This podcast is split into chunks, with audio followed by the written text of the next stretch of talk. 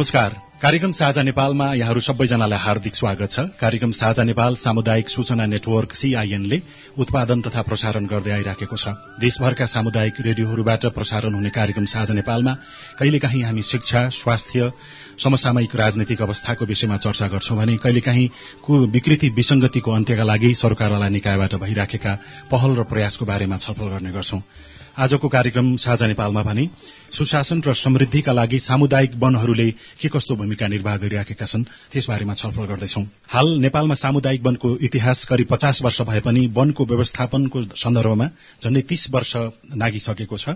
दुई हजार सतहत्तर सालसम्मको तथ्याङ्क अनुसार मुलुकभरमा बाइस हजार चार सय पन्ध्र सामुदायिक वन उपभोक्ता समूहहरू दर्ता भइसकेका छन्। यी सामुदायिक वनले बाइस लाख हेक्टर भन्दा धेरै वन क्षेत्र व्यवस्थापनको काम गरिराखेका छन्। यो कुल वन क्षेत्रको करिब चालिस प्रतिशत हो। आजको कार्यक्रम साझा नेपालमा छलफलको लागि विभिन्न वनसँग सम्बन्धित सरकारवाला निकायका व्यक्तित्व र महानुभावहरू हुनुहुन्छ। यहाँहरू सबैजनालाई कार्यक्रम साझा नेपालमा म हार्दिक स्वागत गर्दछु।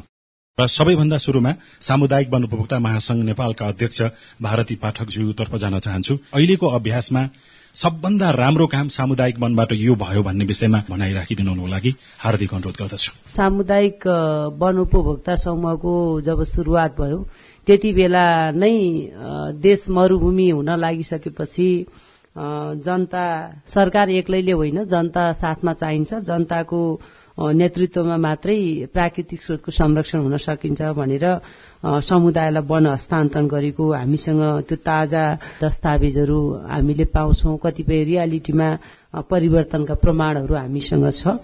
र यो सन्दर्भसँग जोड्दाखेरि सामुदायिक वनमा किसान उपभोक्ता महिला दिदीबहिनीहरू आदिवासी जनजाति गरिब विपन्नको योगदानले गर्दाखेरि प्राकृतिक वनलाई संरक्षण गर्नेदेखि लिएर जहाँ वृक्षारोपण गर्नुपर्छ त्यो ठाउँमा वृक्षारोपण गरेर पनि हरियाली र प्राकृतिक स्रोतको संरक्षणमा एकदमै महत्वपूर्ण योगदान पुर्याएको र राष्ट्रिय अन्तर्राष्ट्रिय स्तरमा सामुदायिक वनको देशको रूपमा चिनाउन सफल भएको एउटा राम्रो अभ्यासको रूपमा सामुदायिक वनलाई लिन सकिन्छ। समावेशीको हिसाबले महिला नेतृत्व विकास सामुदायिक वनमा एउटा अब्बल रूपमा स्थापित भएको छ। नेतृत्व विकासदेखि लिएर चाहिँ स्थानीय सरकार हुँदै प्रदेश सरकार संघीय सरकारको नेतृत्वमासम्म सामुदायिक वनको नेतृत्वमा रहेका महिला दिदीबहिनीहरू स्थानीय समुदायहरूले नीति बनाउने ठाउँमा पुगेको एउटा सफल अभ्यासको रूपमा लिन सकिन्छ।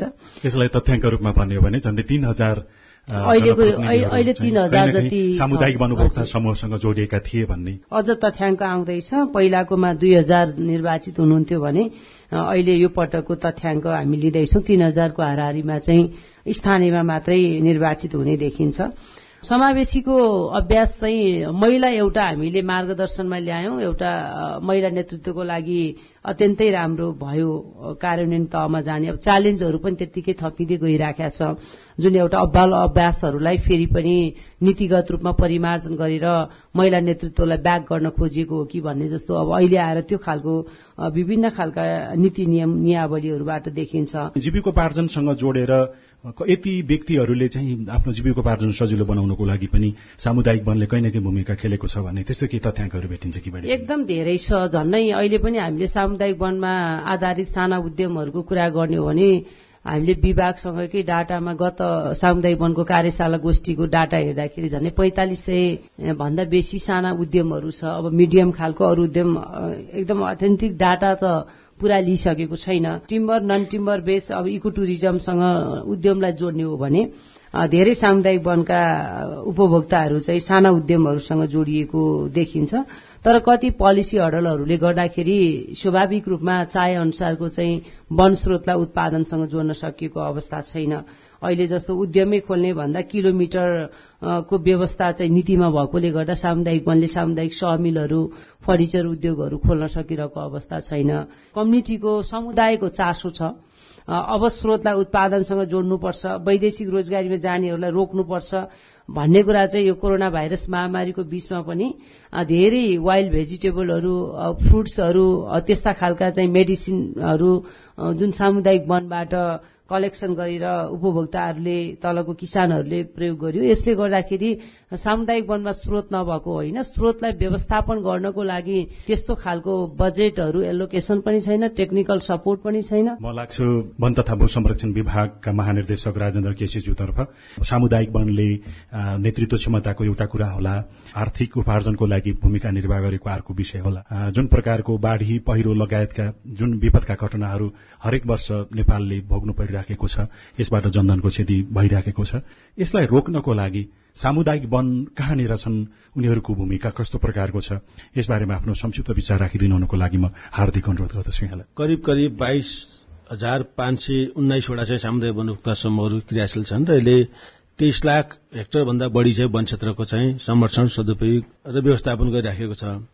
हाम्रा यी वन क्षेत्रहरू जुन तपाईँको चाहिँ करिब तेइस लाख हेक्टर हाम्रो वन क्षेत्रहरू चाहिँ यो संरक्षण भएको छ। अब यसले आफ्नो समुदाय वनभित्र तपाईँ भूसंरक्षणको कुराहरूमा त अब डाइरेक्टली कन्ट्रिब्युट गर्ने नै भइहाल्यो। तपाईँको चाहिँ वनमा रुख बिरुवाहरू छ घाँसपातहरू छ त्यसले तपाईँको चाहिँ एक प्रकारले चाहिँ बायो इन्जिनियरिङको कामहरू गर्छ। भुसेलाई कम गर्छ बाढी पहिरोलाई नियन्त्रण गर्नमा चाहिँ इन्डाइरेक्टली चाहिँ त्यसले कन्ट्रिब्युट गर्छ। तर यो चिज चाहिँ रिकग्नेसन छैन तपाईँको चाहिँ। अहिले यहाँ यो इकोनोमिक कन्ट्रिब्युसनको कुराहरू गर्नुभयो। जहिले पनि हामी विभागमा मन्त्रालयमा बस्ने साथीहरूलाई बाहिरबाट चाहिँ हाम्रो फरेस्ट सेक्टरभन्दा बाहिरको मान्छेले सुन्ने प्रश्न भनेको के हो भने चाहिँ करिब पैंतालिस पोइन्ट तीन एक पर्सेन्ट चाहिँ तपाईँको वन छ। वन सधैँ बढेर गइरहेछ। महानिर्देशकज्यू जस्तो यो विभागले कुन सामुदायिक वनको कस्तो प्रकारको योगदानको कारणले गर्दाखेरि कति ठूलो जोखिम नियन्त्रण गर्ने गरी अथवा त्यसबाट बच्नको लागि कस्तो काम भयो भन्ने ढंगबाट यो विभागले त्यसै अनुगमन गर्ने तथ्याङ्क बनाउने काम गर्छ कि गर्दैन? विगतमा हामीले गर्थ्यौं। अहिले गर्दैनौँ। रेट्रिगेसनमा गयो भन्नु होला यहाँले होइन? अहिले हाम्रो चाहिँ संहिताले तपाईँको चाहिँ हाम्रो संघ प्रदेश र पालिका तिनवटाको हाम्रो उसमा अधिकार क्षेत्रमा यो वन गइसक्यो। र विगतमा हाम्रो चाहिँ तपाईँले भन्नुभयो जस्तो चाहिँ अहिले सोध्नुभयो हाम्रो सामुदायिक वनबाट चाहिँ कति कन्ट्रिब्युसन इकोनोमिक कन्ट्रिब्युसन छ भनेर। हामीले दुई हजार तिनमा हाम्रो एउटा पब्लिकेसन छ यहाँले हेर्नुभयो भने। करिब एक अरब बराबरको चाहिँ हाम्रो सामुदायिक वनको चाहिँ कन्ट्रिब्युसन त्यहाँ देखिन्छ। दुई हजार तिनको तिनको तथ्याङ्क अब अहिले आएर तपाईँले हेर्नुभयो भने तथ्याङ्क वन तथा भूसुन्छ विभागसित के छ भन्नुभयो भने चाहिँ मैले सातवटा प्रदेश सरकारसित सोध्नुपर्छ। र अहिले हाम्रा विभिन्न यो नीति नियमहरूले गर्दा के भयो भने वन विभागले डाइरेक्ट तपाईँको चाहिँ प्रदेश सरकारसित कम्युनिकेसन गर्ने च्यानल ब्रेक भएको छ। धेरै धन्यवाद छ अहिलेको लागि। फेरि यहाँसँग म आउनेछु। हामीसँग वन विज्ञको रूपमा नारायण काजी श्रेष्ठज्यू हुनुहुन्छ। पचास तीसको हामीले एउटा जुन समय अवधिको बारेमा व्याख्या गरिराखेका छौं राम्रो अभ्यासहरूको सन्दर्भमा चाहिँ के हो? के सामुदायिक वन नभइदिएको भए के चाहिँ हुन सक्थ्यो जोखिम अप्ठ्यारो? भएर यो राम्रो भएको छ। छोटकरीमा आफ्नो विचार राख्नको लागि म अनुरोध गर्दछु यहाँलाई। प्रश्नको सजिलो जवाफ दिन चाहिँ बंगलादेश अहिले नेपालसँग साह्रै चिन्ता गरेको छ कि? बंगलादेशको बे अफ बंगालमा टापु बन्न थालिसकेको थियो कि? यो सामुदायिक वन लागू हुनुभन्दा पहिला। अब त्यो टापु बनेन। बंगलादेशले त्यो टापु चलाउन पाएन। अब त्योभन्दा ठूलो हाम्रो सफलता के हुने? नेपालको सन्दर्भमा यो यो एकदम राम्रो अभ्यास भयो भन्ने यहाँलाई लागेको चाहिँ के छ सामुदायिक मलाई सोध्नुहुन्छ भने सबभन्दा पहिलो त यो फेकोफन बन्नु नै एउटा हाम्रो ठूलो है सफलता हो। फेकोफनको जुन विधान बनाउने प्रक्रिया भयो नि विधान बनाउने प्रक्रियामा अहिलेको संविधानको म चाहिँ के भन्छु भने अहिलेको संविधानको प्रिकर्सर फेकोफनको विधान हो। किनभने फेकोफन नै त्यस्तो समस्या थियो जसको विधानमा के भन्यो भने पचास प्रतिशत महिला अनिवार्य हुनै पर्छ है समितिमा। है कि? भनेर गरेपछि त्यो पचास प्रतिशत विवाद आएको कहाँबाट ल्याउँछस् महिला? के गर्छस्? अब मैले भन्नै परेको थियो तपाईँको घरमा श्रीमती छैनन् कि छोराछोरी छैनन् कि बुहारी छैनन् कि ती छन् नि महिला। नत्र भने म त्यस बेलामा एउटा women acting together for change भन्ने संस्थामा काम गर्थे हामी त्यो जम्मा गरिदिन्छौँ। भनेको यो सामुदायिक वनभोक्ता महासंघको विधान बनाउँदाखेरि विधान बनाउँदाखेरि झगडा भएको थियो यो चाहिँ जस्तो नयाँ संविधान त दुई हजार बहत्तरमा जारी भयो। त्योभन्दा धेरै अगाडि चाहिँ सामुदायिक वनभोक्ता महासंघले त्यो एउटा समान सहभागिताको कुरा चाहिँ अगाडि बढाएको थियो। त्यो आफैमा सफलताको कुरा हो। उन्नाइस सय चौरानब्बेको कुरा हो। अर्को कुरा के भयो भने एक कार्यकाल भन्दा बढी अध्यक्ष बस्न नपाउने भन्ने पनि त्यसमा पनि धेरै छलफल भयो अप्ठ्यारो भयो। तर त्यो लागू गरियो। अब त्यो लागू गरेको अहिलेसम्म त्यो प्रमाण देख्नुहुन्छ। त्यसैले मलाई के लाग्छ भने यो अहिलेको संविधानको जुन इन्क्लुसिभनेसको कुरा होइन गभर्नेन्सका कुरा महिला सहभागिताका कुरा यी सबै कुरा त फेकोफोनको उसमा पहिल्यै आइसकेको थियो। के भन्छु भने अहिलेको संविधानको प्रिकर्सर भनेको फेकोफोनको विधान भयो अरू सफलताहरू भने त नेपालमा हरियाली बढ्यो। अब यहाँहरू उन्चालिस प्रतिशत भन्नुहुन्छ म चाहिँ के भने जुन बेलामा हाम्रो वनहरू मासिएका थिए उन्तिस प्रतिशतमा झरिसकेका थिए। अहिले पैंतालिस प्रतिशत पुगिसक्यो। हुन त त्यो वनको मात्रै क्षेत्र होइन होला निजी वनको पनि निजी रुखहरूको पनि क्षेत्र हो होइन? तर जे होस् हरियाली त बढ्यो नि। हरियाली त ल्यायो नि त। होइन? बढ्नु पनि आफैमा त्यो त ठूलो सफलता हो नि त। प्रजातन्त्रको प्रजातन्त्रको खास गरेर प्र्याक्टिस सामुदायिक वनमा शुरू भयो। किनभने प्रजातान्त्रिक प्रक्रिया थियो। त्यसमा आम सहमतिबाट निर्णय गर्नु पर्थ्यो। अब त्यो अहिले फेकोफन र सामुदायिक वनलेहरूले बिर्सिसक्यो। तर हाम्रो आम सहमति भनेको मूल मन्त्र थियो। प्रक्रिया हो आम सहमति। अहिले त अब कुन राजनीतिक दललाई नेतृत्वमा लैजाने भन्ने विषयमा मारपिट भइराखेको हुन्छ। अहिलेको लागि तपाईँलाई धेरै धन्यवाद छ। म केही सामुदायिक वनभोक्ता समूहसँग सम्बन्धित सदस्यज्यूहरूतर्फ जान चाहन्छु। यहाँहरूको कुरा सुनौ। अनुभव यहाँको कस्तो छ? त्यस अन्तर्गत सबैभन्दा सुरुमा म सामुदायिक वनभोक्ता महासंघ भक्तपुरका सदस्य अञ्जना नेपालीज्यू हुनुहुन्छ। राम्रा काम हामीले यो गराएछौँ भनेर तपाईँले सुनाउनु भयो नि हुन्छ। पहिला उपलब्धि चाहिँ हाम्रा के के भयो त्यो विषयमा अलिकति राखेर अनि चुनौतीको विषयमा म जान चाहन्छु। र अहिलेको हाम्रो सामुदायिक वनको उपलब्धिमा आफै स्वयं जस्तो लाग्छ किनभने सामुदायिक वनको त्यो नीति नहुँदो हो त म अञ्जना नेपाली। त्यो वर्गको प्रतिनिधित्व दलित समुदायको प्रतिनिधित्व सामुदायिक वनले त्यो खालको नीति नल्याएको हो भने हाम्रो पहुँच अनि हाम्रो निर्णय यहाँ आइसक्ने थिएन। र अहिले त्यही सामुदायिक वनकै प्र्याक्टिसले गर्दा जनप्रतिनिधि हुने मौका पनि यही सामुदायिक वनकै प्र्याक्टिसले र यसको विधानमा समावेश भएको कुरा जनप्रतिनिधिको रूपमा पनि हजुर हुनुहुन्छ? हजुर सर। जनप्रतिनिधि म सुर्विनायक नगरपालिका वडा नम्बर आठको जनप्रतिनिधि। त्यो प्र्याक्टिसले गर्दा जनप्रतिनिधि हुने मौका पनि मिलेको छ। यो कुरा मैले सिकेँ अहिले आएर जनप्रतिनिधिको रूपमा काम गर्दाखेरि चाहिँ अझ अझ सजिलो बनायो भन्ने पनि लागेको एकदमै धन्यवाद दिन चाहन्छु। सामुदायिक वनमा हुँदाखेरि म एज अ सचिवको रूपमा काम गर्थेँ र मैले जसरी बैठक सञ्चालन गर्थेँ एउटा नीति निर्माण अनि त्यसपछिबाट बैठकमा उठेका एजेण्डाहरू जसरी प्रस्तुत गर्थेँ अहिले त्यो प्र्याक्टिस चाहिँ जनप्रतिनिधि हुँदाखेरि मलाई असाध्यै धेरै सजिलो भएको छ। किनभने त्यो खालको ग्यादरिङ अनि मान्छेहरूको समूहलाई कसरी कन्भिन्स गर्ने आफ्नो एजेण्डामाथि चाहिँ कसरी प्रश्न पार्ने भन्ने खालको कुरा चाहिँ अहिले मलाई एकदमै धेरै लागू भएको छ। सचिवबाट नेता बन्नको लागि सजिलो भयो तपाईँलाई समूहमा। लागेपछि। किन यो एकदम अवसर पनि हो त्यो मेरो समुदायको लागि चाहिँ सर। लमजुङको कुसुण्डे सामुदायिक वनभोक्ता समूहसँग पनि आबद्ध हुनुहुन्छ डोलकुमारी सापकोटाज्यूतर्फ लागू। अहिलेसम्म नआएको तर तपाईँलाई यो चाहिँ सामुदायिक वनको सफलता हो है भन्ने लागेको होला। त्यो सुनाउनको लागि अनुरोध गर्दछु। प्रमुख कुरा चाहिँ सामुदायिक वन उपभोक्ता समूहको अध्यक्षमा पनि रहेर काम गरिरहेको अवस्थामा र जिल्लामा रहेर काम गर्दाखेरि सामुदायिक वन समूहहरूका टाँचा जिल्ला वन कार्यालयले जफत गरेर राखेको अवस्थामा हामीले जुन जुन समूहको टाँचा जिल्ला वन कार्यालयले लगेको छ त्यो त फिर्ता गर्नुपर्छ भनेर धेरै आन्दोलनहरू पैरवीहरू छलफल बहस गर्यौं र त्यही समूहको अधिकार समूहलाई नै फिर्ता गर्न सफल भयौं त्यो चाहिँ गौरवको विषय छ। पुरुष अध्यक्ष हुँदा र महिला अध्यक्ष हुँदाखेरि चाहिँ के फरक पर्दो रहेछ? महिला अध्यक्ष हुँदाखेरि हजुरले जुन कुरा राख्नुभयो उठाउनुभयो त्यही नै सफलता हो। आर्थिक कुराहरूमा पारदर्शी हुने कुन कोष कहाँ लगाउन पर्छ भन्ने ठाउँमा नियमित रूपमा लागू भएको अवस्था हुने र म आफू अध्यक्ष हुँदाखेरि महिलाहरूकै विषयमा कुरा गर्दा उपभोक्ताहरूभित्र जसले दुईटा सन्तान महिलाहरू मात्रै भएर परिवार नियोजन गर्छ भने त्यसलाई पुरस्कारको व्यवस्था समेत गरियो। वन समितिको तर्फबाट? हजुर।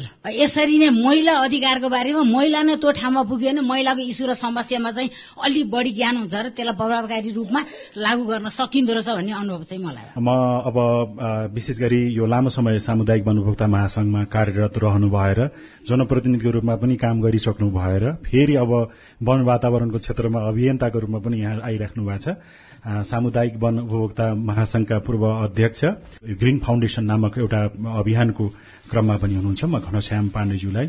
यहाँ नआएको विषय तर यो चाहिँ सामुदायिक वनको सफलताको विषयमा कुरा गर्दाखेरि राख्नै पर्ने कुरा हो भन्ने चाहिँ लागेको के छ? समुदायमा राज्यले दुई हजार तेह्र सालमा नेपालमा वनको राष्ट्रियकरण गरिसकेपछि वन विभागको स्थापना भयो। तर दुई हजार तेह्र सालदेखि दुई हजार तीस बत्तीस सालतिरसम्म आउँदाखेरिको दुखान्तपूर्ण घटना के हो भने जहाँ जहाँ वन विभाग पुग्यो जहाँ जहाँ वन कर्मचारी पुग्यो त्यहाँ चाहिँ वन विनाश भयो। त्यो गजबको चाहिँ त्यो चाहिँ चाख लाग्दो सम्बन्ध छ। जसले गर्दाखेरि वन विभाग वन कर्मचारी र जनताको बीचमा द्वन्द बढ्यो वन विनाश बढ्यो। त्यति बेला बाइस लाख हेक्टर वन चाहिँ नि कृषिमा रूपान्तरण भयो। यो सबै कुराले चाहिँ नि ठूलो एउटा समस्या थियो र अन्तर्राष्ट्रिय रूपमा ब्रुटल्याण्ड कमिसन जुन बहुचर्चित छ स्टकहोम प्लस अहिले फिफ्टी प्लसको पनि चर्चा भएको छ। त्यहाँदेखि वन संरक्षणको विकल्पमा जाने कुराहरू थियो र अब त्यसको शुरूआतमा डाक्टर नारायण काजी श्रेष्ठ लगायतको नेपालका थुप्रै अग्रजहरूले त्यो प्रारम्भ गर्नुभयो र नेपालमा हामीले अहिलेको एउटा गौरवपूर्ण उपलब्धि चाहिँ प्राप्त गरेका छौं। जता जता वन भनेको सरकारी मान्छे जता जता जान्छन् त्यो त खराब पो भएछ भने यद्यपि यसमा अब महानिर्देशकज्यूलाई अति अलि अमिलो लाग्न सक्छ। वास्तविकता के थियो? अलिकति खुलाउनुहोस् न यसमा। इतिहासलाई स्वीकार्नुपर्छ। दुई हजार तेह्र सालमा वनको राष्ट्रियकरण गरेर वन विभाग अथवा वन संरक्षणको जुन परिवर्तन गरियो दुई हजार तेह्र सालभन्दा अगाडि त वन स्थानीय जनतासँगै थियो नि। त्योसँग जोडिएको थियो। त्यसपछिको जुन विडम्बनापूर्ण इतिहास हामीले बिहोर्यौं झण्डै झण्डै दुई दशकमा हामीले बीस लाख हेक्टर वन क्षेत्र विनाश भयो। त्यो हाम्रो बीस बाइस लाख हेक्टर वन क्षेत्र विनाश भयो। यो तितो इतिहास हो। तर त्यसलाई फेरि नेपाल सरकारले त्यति बेलाको चाहिँ शासन व्यवस्थाले पञ्चायत निरङ्कुश व्यवस्था हुँदाहुँदै पनि बाध्यतापूर्वक जनताको सहभागितालाई स्वीकार्न बाध्य भयो। अहिलेको राजनीतिक परिवर्तन जे भएको छ पचास वर्षमा त्यसको शुभारम्भ भनेको वन विनाशले सिर्जना गरेको अप्ठ्यारोबाट भएको थियो।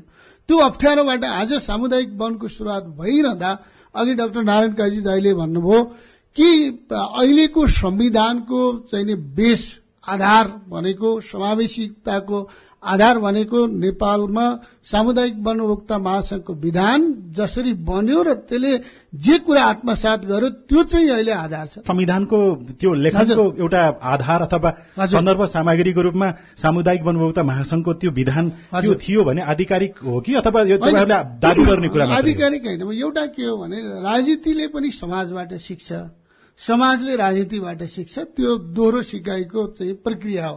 तर मैले अझ त्योभन्दा पर गएर के भन्छु भने अहिले हामीले दुईटा महत्वपूर्ण कुरा हामीले उठाएका छौं। नेपालको राजनीतिक स्थायित्वको सन्दर्भमा संघीय लोकतान्त्रिक गणतन्त्र नेपालको राज्य व्यवस्था भनेका छौं।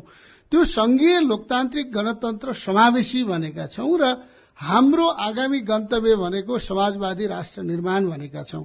यो पाँच तीनवटै कुराको आधार भनेको सामुदायिक वन उपभोक्ता समूह नै हो जो चाहिँ संघीय लोकतान्त्रिक गणतन्त्रको फाउन्डेसन अथवा चाहिँ नि सबैभन्दा बलियो जग भनेको सामुदायिक वनभोक्ता समूहहरू हो। अब नेपालमा संघीयता विरोधी कदम कसैले चाल्न सक्दैन किनभने बाइस हजार सामुदायिक वनभोक्ता समूहहरू तल संस्थागत भइसकेका छन्। अघि नारायण गाजी दाईले लोकतान्त्रिकरणको प्रक्रियालाई कुरा गर्नुभयो। सामुदायिक वनभोक्ता समूहले हरेक वर्ष साधारण सभा गर्छन् तीन वर्ष दुई वर्ष चार वर्ष विधान अनुसार नेतृत्व परिवर्तन गर्छन्। त्यो लोकतान्त्रिक अभ्यास पनि नेपाली समाजको चरित्र बनिसक्यो। वनको दिगो व्यवस्थापन गर्ने र त्यसका आधारमा स्थानीय वन उद्यमहरू हरित उद्यमहरूको प्रवर्धन गर्ने र जुन उद्यमहरू जुन अर्थतन्त्र छ जसलाई हामीले हरित अर्थतन्त्र भन्छौं त्यो हरित अर्थतन्त्रले सामुदायिकीकरण सहकारीकरण र स्थानीय चाहिँ किसान श्रमिक हित र अनुकूल गर्ने व्यवस्था नै अघि बढेको हुनाले त्यो बाटोमा अघि बढ्नुपर्छ भन्ने कुरा सिद्धान्त त स्वीकारेको छ। अब म लाग्छु निजी पारिवारिक वन महासंघका अध्यक्ष जोगराज गिरिजीतर्फ। उहाँले लामो समय सामुदायिक वनकै एउटा अभियन्ताको रूपमा लाग्नुभयो। लामो समय अभियानमा संलग्न भएर निजी पारिवारिक वनतर्फ लाग्नुको कारण चाहिँ के हो? सामुदायिक वनतर्फको सम्भावना केही नदेखेर हो कि अथवा थप केही नयाँ देखेर त्यता जानुभएको छ? अलिकति सुनाउनको लागि सामुदायिक वनमा त्यस्तो सम्भावना नदेखेर भन्ने होइन यो क्षेत्रै अलिकति फरक क्षेत्र हो। हामी एक जमानामा हामीले पढ्ने बेला सगरमाथाको देश नेपाल भनेर हामी पढ्थ्यौँ। पछिल्लो आवरमा आएर सामुदायिक वनको देश भनेर पढिरहेछौँ पढाइरहेछौँ विश्वमा चाहिँ। वन क्षेत्र जुन बढ्यो उन्चालिसबाट चौवालिस पोइन्ट तिन एक प्रतिशत जुन वन बढ्यो यो वन बढ्दाखेरि यसको सम्भावना त थुप्रै रहेछ। नेपालमा चाहिँ जब वन विनाश हुन्छ त्यतिखेर समुदायलाई चाहिँ वन हस्तान्तरण गर्ने। जब वनबाट केही आय आर्जन हुन्छ विभिन्न बाहनामा नियतबाट तपाईँको चाहिँ अनि फेरि वन समुदायबाट अलग गराउने प्रक्रिया चाहिँ शुरू भएको छ। यदि बाइस हजार सामुदायिक वनले आन्दोलन अथवा यो अभियानमा यसलाई करेक्सन गरिएन भने बाइस हजार सामुदायिक वन उपभोक्ता समूहले ल्याएर कार्ययोजना जिल्ला डिभिजन वन कार्यालयमा बुझायो भने अहिलेको राजनीति नेतृत्व वन मन्त्रालयको नेतृत्व तपाईँको छ सरकारले यो वन यो व्यवस्थापन गर्न सक्छ। यो विषयमा चाहिँ गम्भीर हुन जरुरी छ। सामुदायिक वनभोक्ता महासंघका उपाध्यक्ष भीम प्रकाश खड्काजी हुनुहुन्छ। हाम्रो पोलिसीले नै हामीलाई सबभन्दा अप्ठ्यारो पारिरहेको अवस्था छ। तपाईँले उत्तर मेची महाकालीदेखि हिलेर बाटोमा हेर्नु भने हजारौं काठहरू काटेका छन् कोहेका छन् टिसेनको नाउँमा रहेका छन्।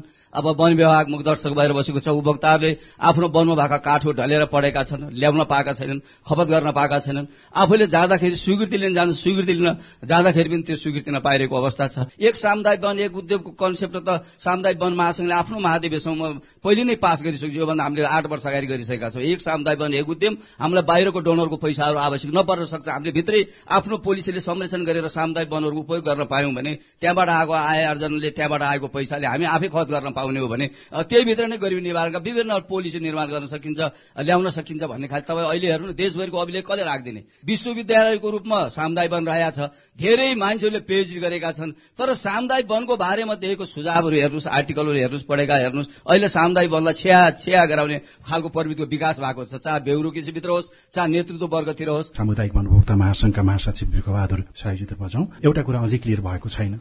सामुदायिक वनको ढलापडा त्यो रुखलाई काट्न बिक्री वितरण गर्नको लागि केही समस्या छ कि छैन भनेर मैले अघि पनि सोधेको थिएँ त्यो क्लियर भयो भने मन्त्रालय र विभागसँग जोडेर हामी कुराकानी गर्छौँ भनी सक्छ। सामुदायिक वनको स्वायत्तता र उसको आर्थिक स्वतन्त्रतामा हामी हाम्रो महासंघको स्थापना कालदेखि नै त्यो दुईटा कुरा हाम्रो मुटु हो सामुदायिक वनको र सामुदायिक वनलाई सामुदायिक वन बनाउने चिज दुईटा हुन्। त्यो कुरामा अहिले पनि कहीँ यो वा त्यो कोणबाट प्रहार भइरहेको छ। त्यसको ज्वलन्त उदाहरण नियमावली छ।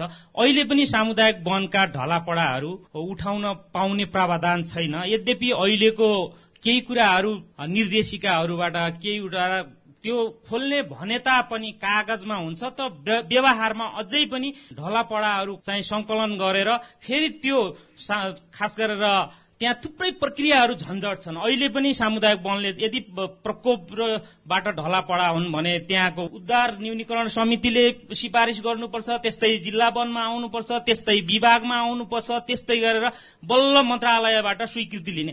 दस बाह्रवटा रुख त्यहाँ सामुदायिक वनमा ढलेका हुन्छन् पढेका हुन्छन् भने त्यो एउटा सामुदायिक वनको मान्छे मन्त्रालय विभागमा आएर स्वीकृति लिन्छ।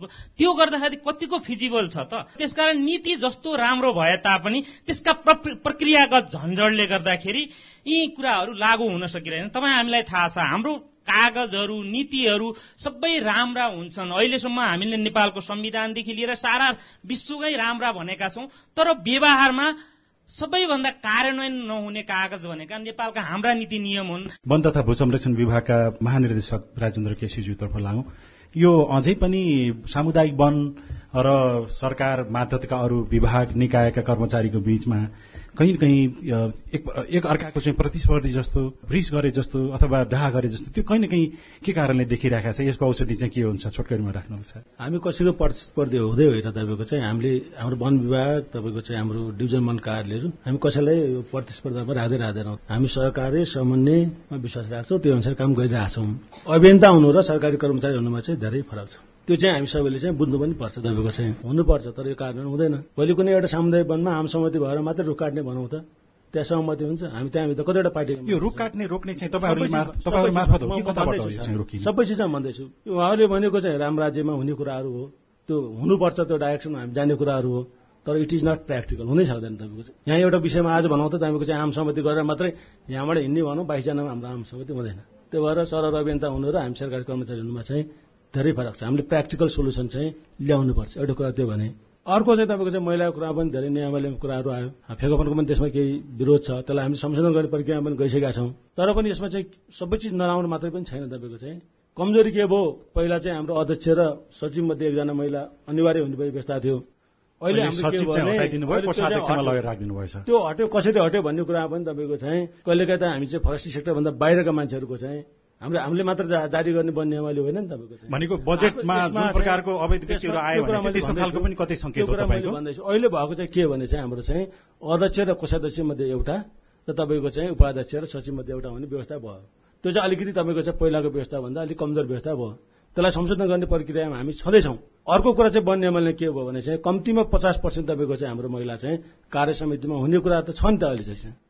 सबै टोटल महिला तपाईँको चाहिँ कार्य समिति चलाउने ठाउँबाट चाहिँ निकाल्दिनु अनि त्यसपछि पचास प्रतिशत भनेर त्यसमा हामी संशोधन गर्दैछौँ त्यसमा हाम्रो चाहिँ प्रक्रियामा गइसकेका छ। त्यो तपाईँको चाहिँ कहिलेकाहीँ तपाईँको चाहिँ सानोतिना मिस्टेकहरू हुन्छ नि तपाईँको चाहिँ।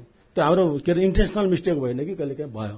त्यसलाई हामी संशोधन प्रक्रियामा गएका छौँ। हामीले त अझ त्योभन्दा पनि अगाडि बढेर तपाईँको एउटा कार्यकाल चाहिँ पुरुष अध्यक्ष भयो भने अर्को कार्यकाल महिला अनिवार्य हुने व्यवस्था गरेर हामीले वन विभागले टिप्पणी लेखेर वन मन्त्रालय पेश गरिसकेका छौँ। वन मन्त्रालयका सहसचिव राधा बाग्लेजी हुनुहुन्छ। तपाईँलाई यो चाहिँ मैले भन्नै पर्ने जस्तो लाग्छ भने छोटकरीमा राख्नको लागि अनुरोध गर्दछु। धन्यवाद। अहिले भनेको त उपभोक्ता समूहको नेतृत्वमा वन व्यवस्थापन हुनुपर्छ र त्यसको लाभांशको नियमावली ऐनले भने अनुसारको चाहिँ वितरण हुनुपर्छ भन्ने खालको कुरा नै हो र त्यो कुरा हुनको लागि समस्याहरू भइरहेछ र त्यसलाई हामीले सुधार्नको लागि सरकारी पक्षबाट सामुदायिक पक्षबाट सबैले अगाडि जानुपर्छ। र यो नेतृत्वको सवालमा जिम्मेवारी दिने सवालमा सामुदायिक वनमा मात्रै होइन सबैतिर चाहिँ महिलाहरूलाई नेतृत्व दिनलाई कन्जुस्याइ गरिन्छ। यो भन्नलाई मैले डराउनु पनि पर्दैन। सम्पूर्ण मार्जिनलाइजहरूको इस्यु एउटै हो त्यसलाई अगाडि लिएर आउने हो। संविधानको हाम्रो अहिलेको मेन चुरो पनि त्यही हो र त्यसलाई अगाडि बढाउनुपर्छ होला। मैले अरू धेरै चाहिँ यहाँ भनिरहन आवश्यक पनि छ जस्तो लाग्दैन। तर यो हामी हामी बीचमा टक्कर गरेर टसल गरेर हुनुपर्ने कुरा पनि केही पनि छैन र सामुदायिक वन यहाँ आउनुमा पनि कोही एकजनाको मात्रै योगदान मात्रै पनि होइन। यसमा सरकार सामुदायिक वन उपभोक्ता महासंघ सबैको छ। तर मलाई के लाग्छ भने सामुदायिक वन को कार्यक्रम सुरु हुँदादेखि मैले जब सुरु गरेको म यहाँ भएको पनि मैले यहाँ सुनाउनै पर्छ। म यहाँ छु भने पनि सामुदायिक वन कार्यक्रम आएको कारणले गर्दा म वन मन्त्रालयको सहसचिव हुन पाएको हो। मैले यो कुरा यहाँ भन्नुपर्छ। किन भन्दाखेरि किन। भन्दाखेरि नेपालमा सामुदायिक वनको कार्यक्रम सुरु भइसकेपछि महिलालाई वन फरेस्ट्री पढ्नको लागि अलाउ गर्नुपर्छ भने त पहिला फरेस्ट्री पढ्न पाउँदैन थिए। मलाई म नेपाल युके कम्युनिटी फरेस्ट्री प्रोजेक्टले मलाई स्कलरसिप दिएर पढ्न पठाएर त्यसपछि आएर मेरो करियर चाहिँ यो वन क्षेत्रमा भएको भएर अहिले वनको पहिलो महिला सहसचिव भन्न पाएको छु। भर्खरै सरुवा भएर अहिले मन्त्रालय अन्तर्गतको एउटा विभागको पहिलो डिजी भन्न पाएको छु। यो पनि सबै सामुदायिक वनको कुरा हो र त्यो बिर्सिनु हुँदैन र यदि कुनै सामुदायिक वनप्रति केही भनौँ न उहाँ- उहाँहरूको राइट त्यो प्रति केही भयो भने चाहिँ मेरो आफ्नो व्यक्तिगत तर्फबाट पनि त्यसमा के सपोर्ट चाहिन्छ त्यसमा चाहिँ म सदा लागि पर्छु भन्ने पनि मेरो व्यक्तिगत प्रतिबद्धता पनि यहाँ व्यक्त गर्न चाहन्छु। धन्यवाद। सामुदायिक वन उपभोक्ता महासंघका अध्यक्ष भारती पाठक तर सरकारले ओनरसिप लिएर सामुदायिक वन दिवस मनाउनु पर्छ भनेर निर्णय गर्नु हाम्रो लागि गौरवको विषय हो। धेरै धन्यवाद छ। जसले आफ्नो महत्वपूर्ण विचार राख्नुभयो र हाम्रो निमन्त्रणालाई स्वीकार गरेर आइदिनु भयो र सहभागिता जनाउनु भयो यसको लागि यहाँहरू सबैजनालाई कार्यक्रम साझा नेपालको तर्फबाट धेरै धेरै धन्यवाद दिन्छौँ। र आगामी अङ्कमा फेरि हामी अर्को विषयको छलफल लिएर प्रस्तुत हुनेछौँ। तबसम्मको लागि प्रविधिमा साथ दिने सुनिल राज भारत दीपक आचार्य उषा तामाङ लगायत सबैजना आजको अङ्कबाट विदा हुन्छौँ। हवस् त, नमस्कार।